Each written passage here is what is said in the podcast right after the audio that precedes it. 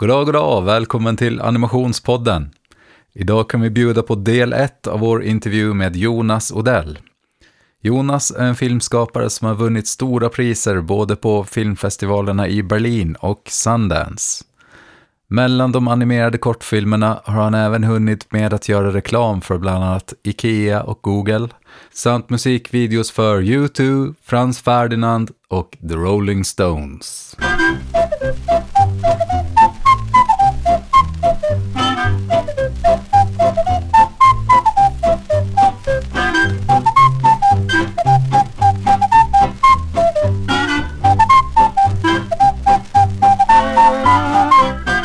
Kul att få ett ansikte när man har hört talas om det Ja, hela ja, det är roligt att ha ett ansikte. Ja, Ibland. Jag vet inte om man skulle vilja ha ett annat kanske, men det det får duga. ja, jag gick ju på Visby där på animationsskolan, som, Ja. den som är animationsakademin nu, Just det. typ 2001-2003. Ja. Diagonalakademin var det Precis. då kanske. Ja, Så det var ju mycket revolver. Ja, ja, ja, det är en sån här film som har visats mycket just för studenter har jag förstått. Liksom. Mm. Och det är väl kanske för att uppmuntra dem att göra något som inte tar så lång tid kan jag tänka mig. Att det titta här, man kan göra en film med bara loopar. Ja, gör en sån examensfilm så kanske ni hinner klara i tid. Jag tror att det tilltalar ganska många animationslärare det där att titta man kan göra något som, som är tidsbesparande och som ändå är ett uttryck i sig. Så där, så att det har man märkt att det är ganska många man träffar som har matats med den där i, i animationsskolan. Liksom. ja. Men den är ju riktigt fet också. Vad tycker Ja, du om tack. den idag? Alltså jag gillar ju filmer generellt som, som eh, känns som de är gjorda nu när de är gjorda. Liksom. Ja. Och det innebär väl att de äldre filmerna som man själv har gjort inte känns lika roliga heller att titta på. Tycker jag. För, för det, jag, jag satt i en jury ganska nyligen i en festival i Slovenien och det slog mig att ganska ofta när filmerna kändes visuellt och, och kanske berättarmässigt som de baserades kanske på något äldre så kändes det också som värderingarna bakom filmerna eh, kändes lite gamla, liksom. lite gubbiga. Så. Mm. Det var en spaning jag gjorde då. Det, det innebär väl också att man är mindre benägen att gilla det man själv har gjort för länge sedan. Jag inser att folk det, det är väl en av de filmerna jag har gjort som snurrar på festivaler hela tiden. Liksom, för folk väljer det som de säger, ja, det här är en klassiker eller något sånt där. Eller den här såg jag i skolan eller vad det nu kan vara liksom, som är anledningen. Och, Ja. eh, så den visas ju liksom. Eh, och är man där och ska prata om det så måste man ju se filmerna ibland också. Även om jag brukar försöka gå ut när de visas. Men det känns ju som, ja, den håller bättre än en del annat man har gjort ändå kanske. Mm. Men intressant ändå att du liksom gillar filmer som känns nutida så att säga. Jo, men jag tycker att det, det, det, det är också kanske ett litet eh, problem som animation kan ha ibland. Liksom att, att folk gärna gör, just för att animation kanske är något sånt också som man är uppvuxen med. Att man har liksom fascinerats av det som barn och sånt där. Och det kan finnas en tendens att, att försöka liksom återupprepa något som man, man har gillat själv kanske. Så där. Och det kan ju vara en fara i det också. Liksom att, att man konserverar eh, mediet på något Ja, sätt. Liksom, det. att det, eh, det är någon sån här helig grej som, som man gillade. Som, det finns någon ett nostalgi eh, element i det. Liksom, som kanske är mindre tydligt nu tycker jag när man tittar på animerad film. För att eh, folk kommer från så mycket olika håll. Liksom. När jag började så var det de som höll på med animation var ju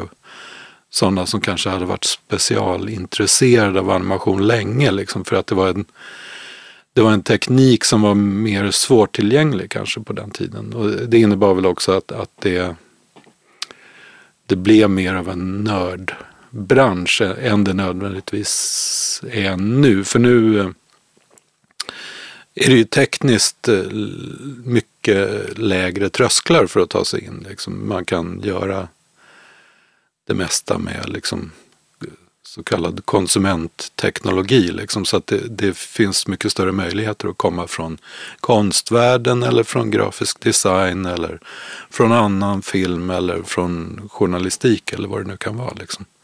Så det har gjort animationen bättre också tycker jag. Liksom. Vad är det hetaste man kan göra januari 2020 då? Det har jag ingen aning om. Om jag visste det så skulle jag göra det ja. med en gång. Ja. så det tror jag det hetaste man kan väl göra är väl kanske att göra något som känns relevant för en själv, liksom, mm. vem man än är. Mm. Mm. Men du är inte sugen på att gå tillbaka och göra någonting du har gjort förut, känns det som? Du skulle gärna utforska nya grejer. Ja, det, både och. Liksom. Det har ju blivit så. Nu har jag gjort ganska många såna här så kallade animerade dokumentärer. Liksom. Och det, mm. det har, var väl inget som jag hade planerat att liksom fortsätta med. Det kändes som, ja men det är väl ett, en grej av många man kan göra. Sen eh, fanns det något inbyggt i, i det formatet som tilltalade mig. Så på det sättet kommer jag ju tillbaks till samma sak igen och igen. Kanske mer än jag hade trott att jag skulle göra. Men eh, sen handlar det ju om att göra saker som kommer ur den historien man vill berätta. Liksom stilmässigt och berättarmässigt och så vidare. Uh, och det kan, ju vara, det kan ju till exempel vara en historia som utspelar sig långt bak i tiden. Då kanske man ändå måste hitta någon slags retro-element i det till exempel. Men då kanske det inte handlar så mycket om, om mina preferenser, vad jag har gillat tidigare, utan då handlar det mer om vad är bäst för den här historien, tänker jag. Just det. Det, det var egentligen två saker som var upprinnelsen när jag började göra de här animerade dokumentärgrejerna. Det ena var att jag kände att animation kanske blev lite självrefererande ofta, liksom, tyckte jag i alla fall just då. Det här var i runt millennieskiftet. Eh, och, och det var både kanske när man såg de här stora kommersiella liksom, eh, långfilmerna så där, att de ofta var parodier på någon annan film eller sådär. Men även kanske inom mer independent kortfilm sådär, att de rörde sig ofta inom ett och samma ämnesområde och, och sådär. Så jag kände, ja men man vill öppna fönstret på något sätt mot eh, eh, den så kallade verkligheten. Och, och det andra var väl liksom en... Eh, jag hade gjort en film tidigare som var liksom fem små korta berättelser som, som liksom, så det var som en episodfilm. Och det var något lite intressant med det formatet tyckte jag, för de berättelserna gav varandra någonting fast det var fristående små berättelser. Liksom. Så då tänkte jag, ja, men, om man tar en och samma händelse i olika människors liv och låter dem berätta sina historier om, om det, om sina egna upplevelser. Så skulle det kunna bli något väldigt spännande. Och då liksom funderar jag på vad kan vara den händelsen? Och då dök sexdebuten upp som en sån här grej som många kanske mäter sitt liv liksom i ett före och efter i relation till. Åtminstone mm. innan man har varit med om det så mäter man det så. och, och så då började vi leta och, då jobbade jag med en, en eh, kille som heter Benjamin Wolf som är, han var radiojournalist men han har också gjort en, jag vet inte om han hade gjort någon film eller tv då, men han har gjort egna dokumentärfilmer efter det också. Så eh, vi började leta ganska, och det är liksom eh, en del av det här är ju också att hitta hitta de här berättelserna. Om man bara har liksom så här, ja, någon ska prata om sexdebuten, vem är det och vilka berättelser får man fram då? Liksom. Så, mm. uh, vi jobbade ganska mycket med att, att han började ganska nära, liksom, så han intervjuade folk han kände och så sen blev det mer liksom kompisars kompisar eller någon före detta granne och så vidare som jobbar sig utåt i någon slags spiral från sin egen närmaste krets. Liksom. Och så har det varit sen också att, att jag har jobbat med eh, lite olika människor som har hjälpt mig med intervjuerna. Liksom de, dels för att jag känner att jag kanske inte är den bästa att göra den här researchen och hitta folk. Liksom. Och dels för att det är eh, det, det, finns någon liten poäng, jag vet inte om, om det är bra eller dåligt, men det kanske finns någon liten poäng att, att ha den lilla distansen att man inte gör intervjuerna själv. Men däremot så mm klipper intervjuerna själv och liksom eh, kollar hur det funkar, ber dem att gå tillbaka och ställa nya frågor baserat på vad man känner är luckor i berättelsen och så vidare. Så det är väl lite grann så vi har jobbat. Vad var den där första episodfilmen du gjorde? Det var en film som hette Släkt och vänner som är så vagt självbiografiska berättelser. Det är Mm. ganska delvis konstiga historier. Det handlar mycket om så här eh, morbror det och farbror det eller kusin det. Liksom. Och det är inte egentligen mina... Jag har inte så många släktingar så det räcker till en sån film ens. Men det finns i varje historia finns det något slags självbiografiskt element i det. Och det är kanske inte alltid det man tror. Liksom. Men det jag märkte när jag liksom satte ihop de berättelserna så blev det en, en film om hur man minns saker och att, att man kanske inte alltid minns utan att jag riktigt hade tänkt på det när jag skrev de där historierna. Så alla handlade lite grann om att den som berättar historien eh, för det bygger, också på en berättarröst fast det är en fiktiv eh, berättare då. Den som berättar historien verkar förstå lite mindre av det som händer än vad publiken gör egentligen. Liksom. Så det, men det, jag tyckte det var intressant för det, när man satte de här bredvid varandra så blev det en film om det snarare än varje specifik Ja, berättelse. Så temat kom Tema, fram. liksom. Eh, Så det var väl lite grann det jag var ute efter, bara att se ja, men om man tar en berättelse. Eh, I det första fallet var det sexdebuten, sen gjorde vi en film om lögner. Mm. Eh, Och så har vi gjort en film om, om dataspelsberoende. Och det är lite grann bara, just när man sätter flera berättelser bredvid varandra så blir det liksom mer än bara Mm. summan av delarna på något sätt. Liksom. Minns du första gången du animerade något överhuvudtaget? Eh, ja, vi gjorde eh, lite animerad film som barn faktiskt, jag och några kompisar. Och det är väl så här, jag har alltid varit fascinerad av, kanske inte animation i, i första hand, utan rörlig bild, och film och sådär. Även som barn. Och vi gick ett år så gick vi i en skola som, som låg i ett uh, miljonprogramsområde som var ganska nybyggt då. Och, eh, det var egentligen ingen skolbyggnad utan det var någon sån här temporär skola. Så det fanns ingen skolgård. Det fanns bara en smal så asfaltgång. Där var Mhm. liksom en trappa upp också. Och vi, man fick inte gå därifrån på rasterna. Så det var inte så mycket att göra där liksom. Mm. Det fanns det egentligen två saker att göra. Det ena var man kunde lägga sin mössa på utblåset från soprummen så svävade mössan liksom i luften. Det var jätte Magiskt. fascinerande men det innebar också att man luktade sopor när man kom in från rasten. och det andra var att hitta på berättelser liksom och, och agera ut dem. Liksom. Mm. Och det gjorde vi. Då eh, kom vi på att ja, men vi hittade på någon historia som var om superhjältar på något sätt. Och så tyckte vi, ja, men kan man inte göra en film på det här på något sätt? Vi visste att någon familj hade en sån här Super 8-kamera. Liksom. Mm. Hur gamla var ni ungefär? Ja, då gick vi nog i så här, ja, det var i lågstadiet i alla Ja, fall. Tvåan, trean kanske. Mm. Eh, då tänkte vi, ja men det här, då kan du spela det, du är Spindelmannen och så vidare. Liksom. Och, och det stupade sen på att när vi bad våra mammor som det var på den tiden, då det var mamman som kunde tänka sy någonting. Då, Mhm. eh, vad de fördomar man hade då och det kanske stämde också då. Eh, så var det ingen mamma, ingen av våra mammor som ville sy några sådana här superhjältekostymer. Så att, då tänkte vi, ja men vi gör en tecknad film istället. Så vi gjorde, vi Mhm. började göra en massa så här cut-out eh, och sen eh, Hur visste ni ens att man kunde göra så? Ja, vi tänkte väl liksom att de ska ju röra på sig, då måste man ju Mm. klippa ut dem på något sätt. Liksom. Och sen när vi väl hade gjort alla de där gubbarna och vi hade vår historia och sånt där så fanns det någon sån här filmverkstad för barn på Kulturhuset vid Sergels torg Mm. som vi gick på. Då tog vi med alla de där teckningarna Mhm. och så gjorde vi under några helger så filmade vi dem och gjorde någon slags cut-out animation. All right. Så det var början. Coolt. Men gick ni dit själva då på eget initiativ? Eller var det någon vuxen Nej, det var någon förälder som hade läst att det där fanns och visste att vi var intresserade av film. Sådär. Så. Finns den kvar? Filmen? Filmen? Mm. Ja, det finns någon sån här 8 mm eh, rulle någonstans. Ja.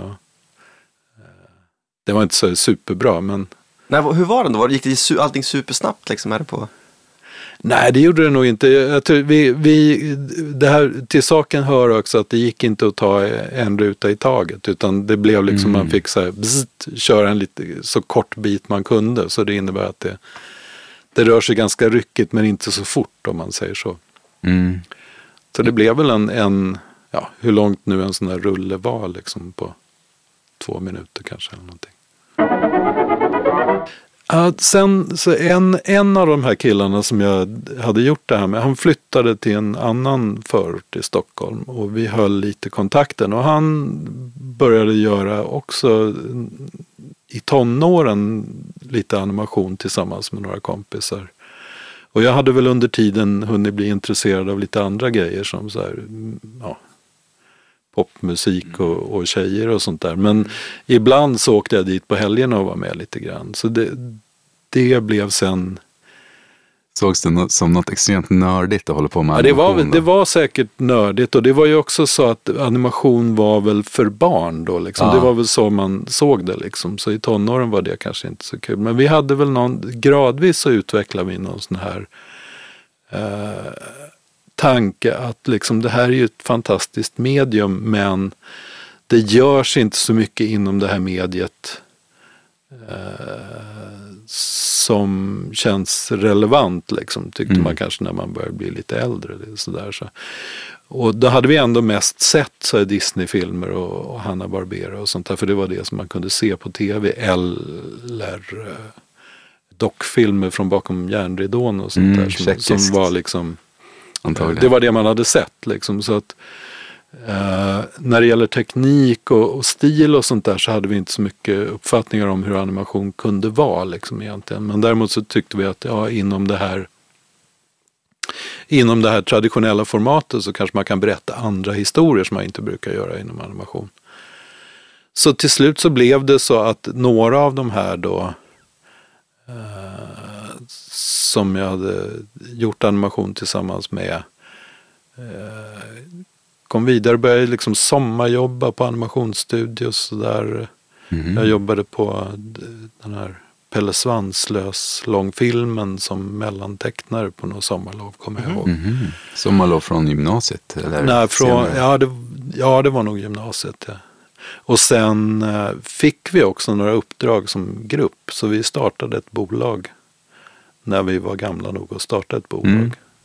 Och det bolaget eh, blev sen Filmtecknarna som studion hette. Som fanns i, ja, vad det nu kan vara, 30 år i alla fall. Liksom. Jag tror den tidigaste filmen jag hittade på filmarkivet var någonting med Joakim Pirrinen. Ja, vi gjorde, vi, vi hade, när vi började så var vi väl lite så här, och, eh, dels så gjorde vi jobb åt andra lite grann Mm. sådär och gjorde lite grejer för Utbildningsradion och sånt. Men så var vi också sådär, ja men vi vill göra liksom våra egna kortfilmer liksom. Och då tittade vi lite grann så här opportunistiskt, vad är det som görs liksom? Och, och då var det liksom filmade barnböcker var egentligen det som gjordes mest i Sverige då liksom. Så vi tänkte, ja det är väl det man kan få pengar till. Så vi hittade en barnbok som vi gillade som heter Mannen som tänkte med hatten av, av en Ah. kille som heter Gunnar Berefelt. Okej. Eh, Den är jag typ uppväxt med. ja, Kom den i slutet på 80-talet eller något sånt? ja, det är nog tidigt då. Ah, okej. det måste vara, för det här var ja, det här måste varit 82 kanske eller något sånt som vi Mm. Började göra den. Eh, så vi lyckades han var så här livrädd, Gunnar, att han skulle åka på någon skattesmäll. Så vi försökte köpa en så option på boken, men han var så här jättemotsträvig. För han, Mhm. tänk, han, på något sätt om han fick pengar så skulle det bli någon skattesmäll. Men till slut så lyckades vi för någon tusenlapp köpa optionen på den där. Och så gick vi upp till Filminstitutet som då funkade så att de producerade film. De hade, det var inte som nu att de hade konsulenter som liksom gav ut pengar till film utan Mm. de producerade själva. Så de hade producenter där och en kortfilmsproducent då som, Mm. som vi kontaktade. Och hon var så här, ja oj oj oj, jag har letat efter någon som vill göra film på hans böcker. Ja, och ja. så där. Så att, då hade vi tur och, och fick göra den där filmen. Och eh, den blev väl liksom, ja, det var väl, Hur lång blev den? det var väl kommer faktiskt inte ihåg, men det är väl liksom mellan tio minuter och en kvart. Ja. Jag, liksom. Så ganska lång kortfilm. Vi gick på SVT sen. Eller? Ja, den gick på SVT, den gick i något sånt här barnfilmspaket på bio också. Ja, okej. Då hade, Filminstitutet funkade lite annorlunda då. De hade egna biografer, de hade egen distribution av film och sådär. Så de hade i, i det som då hette Filmstaden, som var den första multiplexbiografen i Stockholm, så hade de två salonger själva liksom, och de distribuerade Mm. film och sådär. Så att det gick ju också att få ut filmerna Mm. även på bio då liksom. Mm. Men då, det var klassisk animation typ? Det var, ja, det var cellanimation, Ja. alltså bokstavligen animation på Hur lärde ni er alla de teknikerna? Alltså vi hade ju liksom pysslat själva sådär. Det fanns ju egentligen inga utbildningar heller. De, de som började ungefär samtidigt som, som vi började. I den mån de hade någon animationsutbildning så hade de gått någon sommarkurs i Kanada. Fanns det något, Mhm. en animationsutbildning som hade en Mm.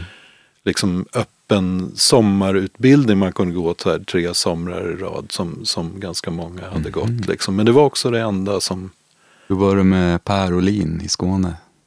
Caroline, ja han har ju hållit på sedan Ja, 60-talet i alla fall. lärde inte han upp ganska många? Han lärde nog upp en hel del. Det var också, han, han som jag minns det, en del av dem som jobbade mycket med honom eh, var ju också väldigt färgade av hans, för han var ju också i grunden illustratör och designer. Så jag minns att de som hade jobbat med honom var väldigt nervösa över liksom att vrida och vända på karaktärerna och sånt. För att det, Mm. då kunde det bli fel. Liksom. Så att det var en, en, en, ganska eh, speciell typ av animation som, som, Mm. som de gjorde på sitt sätt. Med så här tydliga profiler mer. Ja, alltså. men det är, det är väldigt väl designat. Det är ju Ja. fantastiskt snyggt mycket av de här tidiga Mm. eh, grejerna. Speciellt tycker jag den här i huvudet på en gammal gubbe som Mm. väl var den första liksom, nästan långfilmen som han gjorde. Som, som har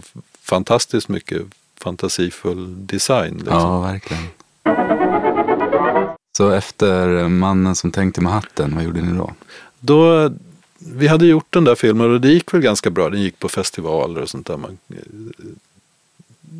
också kanske upptäckte att liksom om man åkte på festivaler så såg man en lite annan typ av animation än det man hade sett. Mm. Men vi var väl fortfarande så där, ja vi gör den här traditionella cellanimationen. Det var liksom Mm. det vi kunde då. Så vi fortsatte lite grann på det där spåret med barnfilmer. Så vi tittade, vi, vi gillade Tove Jansson. Så vi kollade, ja men det finns, hon skrev, skrev ju en del noveller. Liksom. Det finns en novellsamling som heter Det osynliga barnet. Och i den finns det en berättelse som heter Hemulen som älskade tystnad Mm.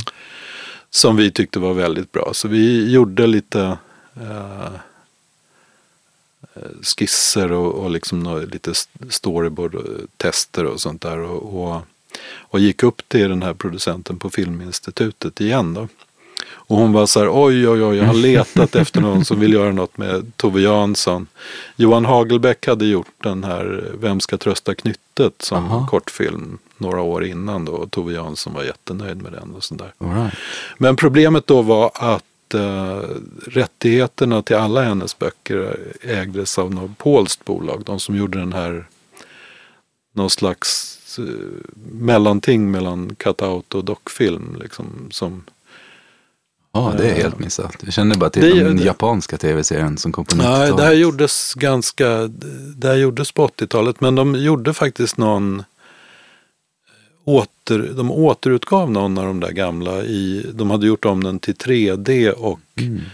de hade liksom nya röster och Björk var med och hade gjort musik och sånt där. Så det, den kom för inte så länge sedan som en återutgivning av det där. Men det, i alla fall, de hade, det här polska bolaget hade rättigheterna i ett år till. Mm. Så då tänkte vi, ja men vi kan vänta in det och så letar vi efter något annat under tiden. Mm. Sen kom vi aldrig tillbaks till det där då, för vi någonstans parallellt med att, att vi ville komma in och få göra animation så hade vi väl också någon ambition att göra det här som vi hade tänkt från början. Att det här, kanske berätta lite andra historier och det kanske också man var väldigt upptagen då med att försöka bevisa på något sätt att det här inte är för barn. Liksom.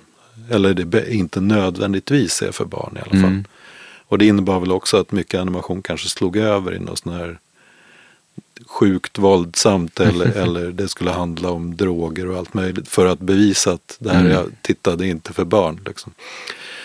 Uh, så vi började leta efter, ja men kanske kan vi göra något uh, lite vad vi uppfattade som vuxnare då. Vi var inte supervuxna ändå själva. Men, Ni var typ tidiga 20? Ja, typ. Så att uh, då hade Jocke Pirinen precis gett ut sitt första seriealbum. Mm. Och då tänkte vi, ja men det här är ju skitbra. Han kanske har någon, vi kanske kan göra något på hans serier tänkte vi först. Men så kontaktade vi honom och, och träffade honom. Och dels så berättade han att ja, det var lustigt att ni kontaktade mig för Förra veckan så var det en producent från Filminstitutet som kontaktade mig och undrade om inte jag ville göra något för film. Uh, men så sa han också att han hade en del berättelser som han inte hade gjort serie på som, som mm. han kanske skulle passa. Liksom. Så han skrev, eh, skrev om en av dem till ett manus till en film som het, blev, eh, den fick namnet Dagen Bräcks. Det mm. handlar om en liten, en liten björn som vaknar för tidigt en morgon och så går han ut och då är liksom inte morgonen klar. Liksom. Folk håller fortfarande på ja, målar himlen och sätter upp mm. trafikskyltarna och sånt där. Så det var, det var ju liksom en, ett steg på vägen mot att ja, men vi ville göra något vuxnare. Nu var det ju tyvärr så att det blev ändå uppfattat som en barnfilm. Det, var, mm. det fanns en del lite vuxnare inslag men det handlade ändå om en liten björn som mm. gick ut på morgonen. Så, där, så att den fick pris som bästa barnfilm i festivaler och sånt mm. där. Så vi var ändå så här lite missnöjda med det där. Men, men det var ju kul, jättekul att jobba med Jocke Piren. Och vi försökte att liksom göra ytterligare någon grej med honom. Men han liksom så notoriskt svår så fort någon beställde någonting. Aha, okay. Jag vet han skrev någon pjäs för Dramaten så det blev väldigt dramatiskt just det här. Och mm -hmm. Förväntningarna när, när något beställdes. Så, så vi höll på lite grann men det blev aldrig någonting. Däremot så berättade han om en liten resa han hade gjort till Berlin. Det här var ju på den tiden när muren fortfarande fanns. Så det var mm. öst och väst liksom. Och han hade åkt man kunde åka, ta liksom tunnelbanan in till Östberlin över dagen liksom då, som turist i, ifrån väst och, och liksom gå runt där och kolla och så. Det hade han gjort. Och då var det som man var tvungen att växla in en viss summa pengar i de här öst, östmarken och de fick man inte ta ut sen ur, ur landet. Okej. Okay.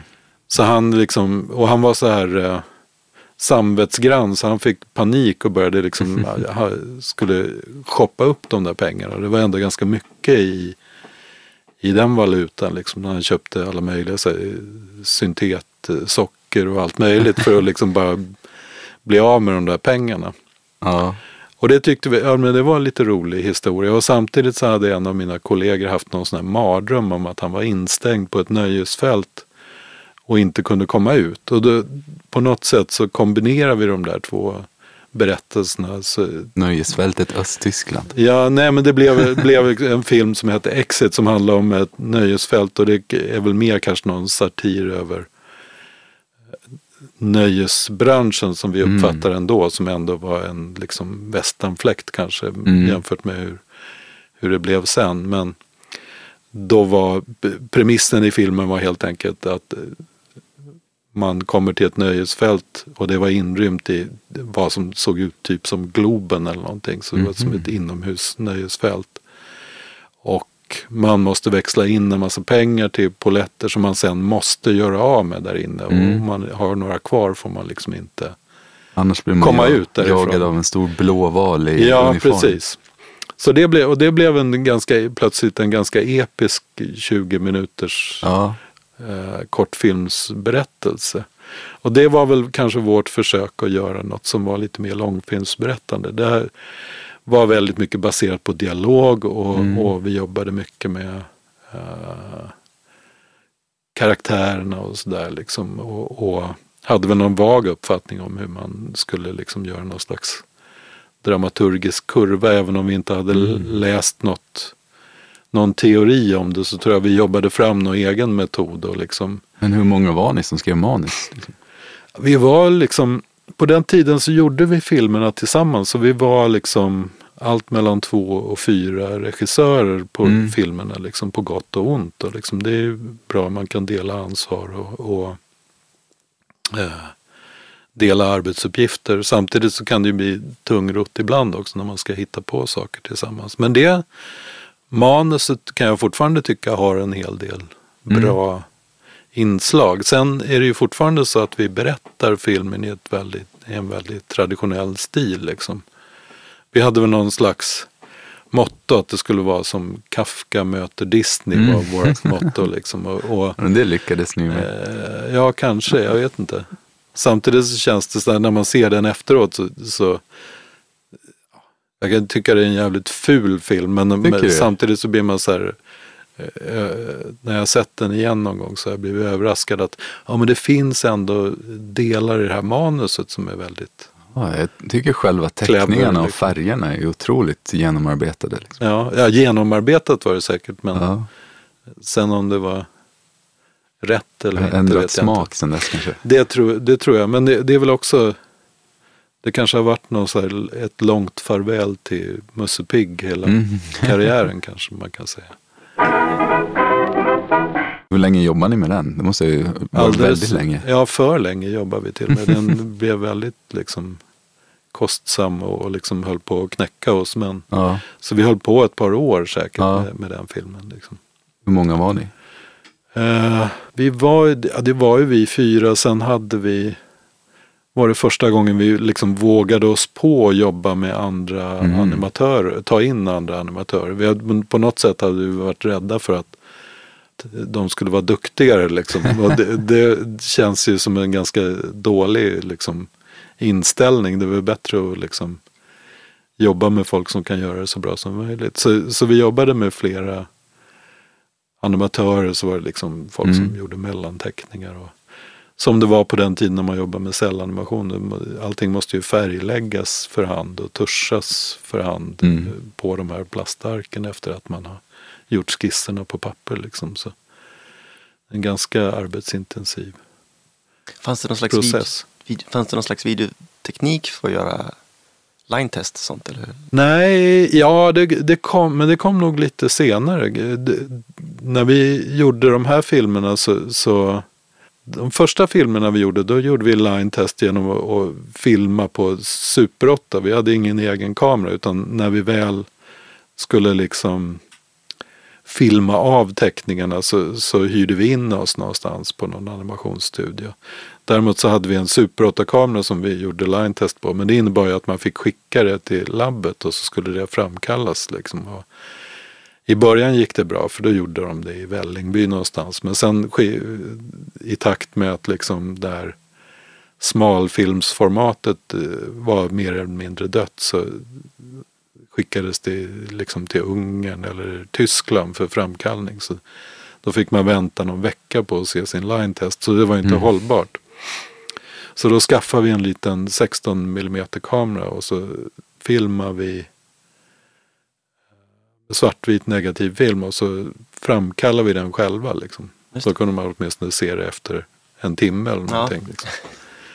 Eh, och sen efterhand så dök det upp liksom eh, datorbaserade möjligheter att filma sin line-test. Det var ju fortfarande inte så att man kunde göra färdigt filmen i digitalt men man kunde i alla fall göra någon grov line-test avfilmning så att man direkt såg vad man gjorde. Liksom. Mm.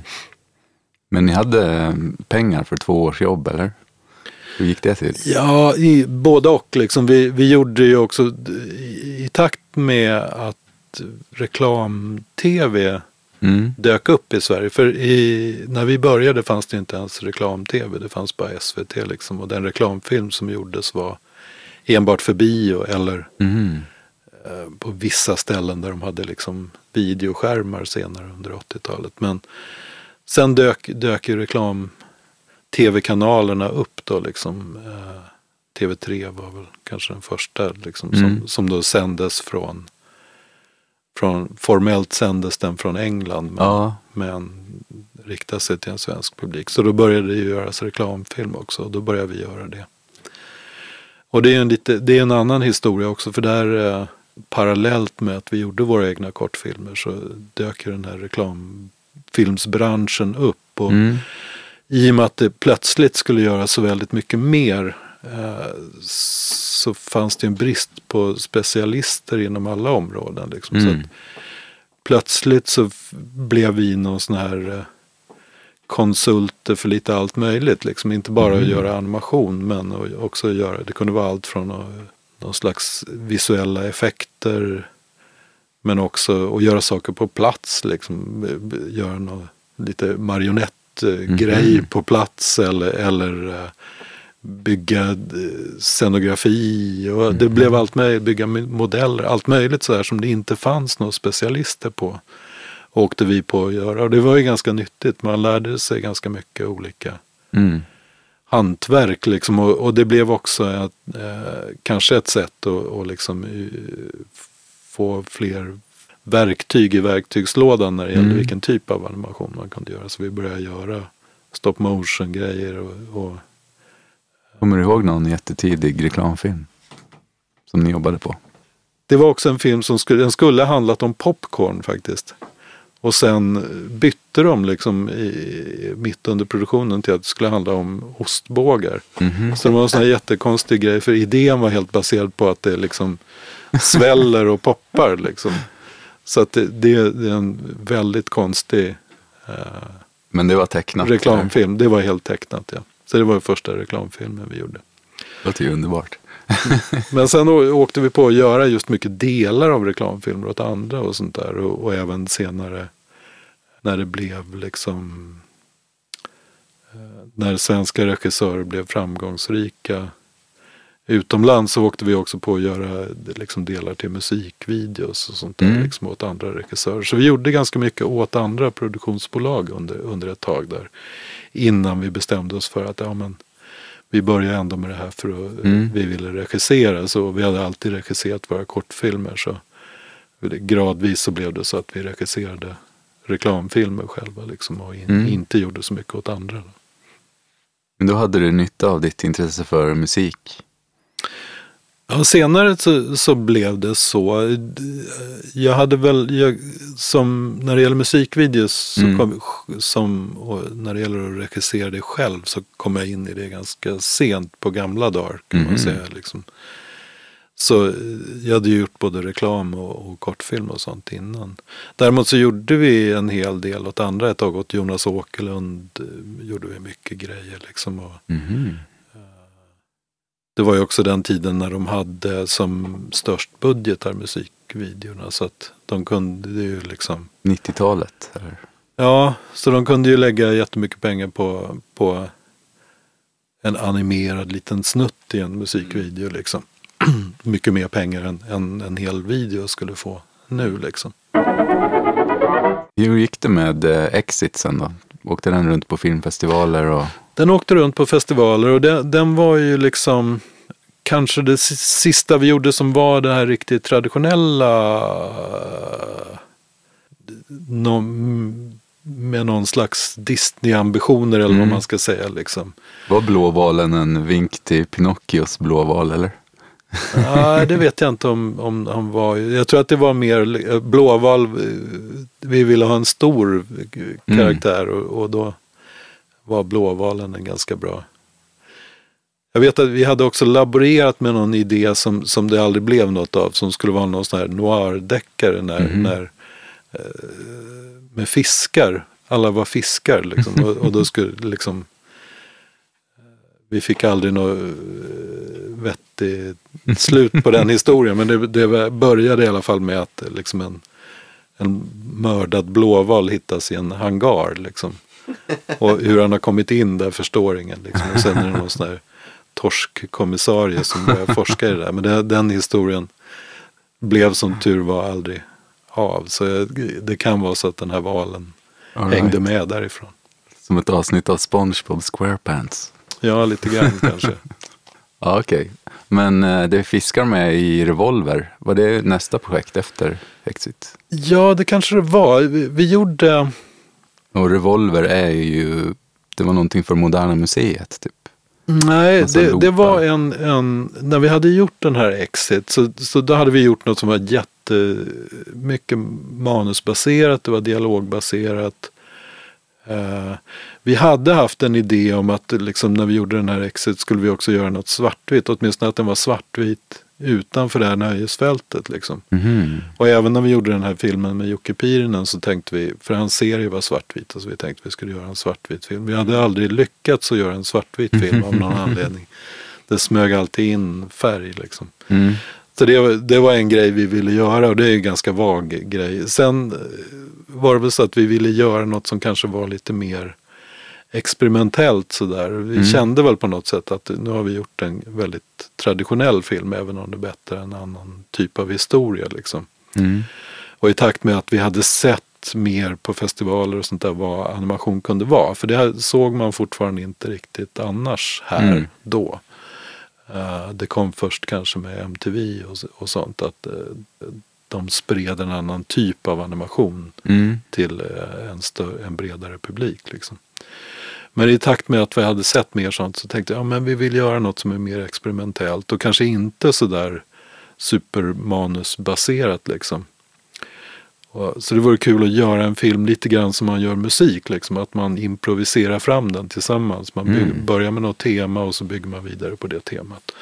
Så det var ett spår. Ett annat spår var att eh, vi hade, man använde ju loop appar i animation, speciellt traditionell animation, för att mm. spara tid och pengar. Och samtidigt så märker man att när man gör det så, så är det ganska lätt att, att det hamnar snett och att det, liksom det här loopandet i sig blir liksom något som, som ger en viss stämning. Antingen blir det komiskt eller så blir det mm. obehagligt. Liksom. Det är om, mm. om man kollar på de här Rune Andreassons gamla Bamse-filmer till exempel. Ja. Så det är väldigt mycket loopar och där kan karaktärerna ibland framstå som ganska maniska. Liksom, mm. Där Lille Skutt liksom hoppar och pekar jättelänge i samma... Det blir nog nästan obehagligt liksom. Mm.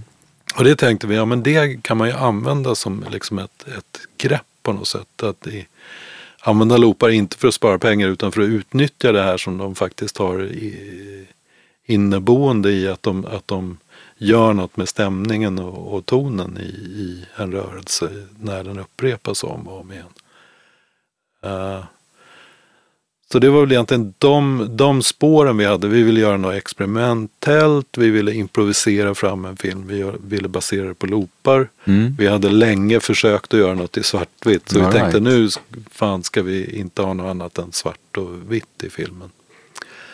Och uh, Sen hade också min kollega Stig Bergqvist, eh, han hade gjort en, en väldigt speciell typ av teckningar som när, i princip när han pratade i telefon så ritade han den där typen av, mm. av mhm. karaktärer. Liksom.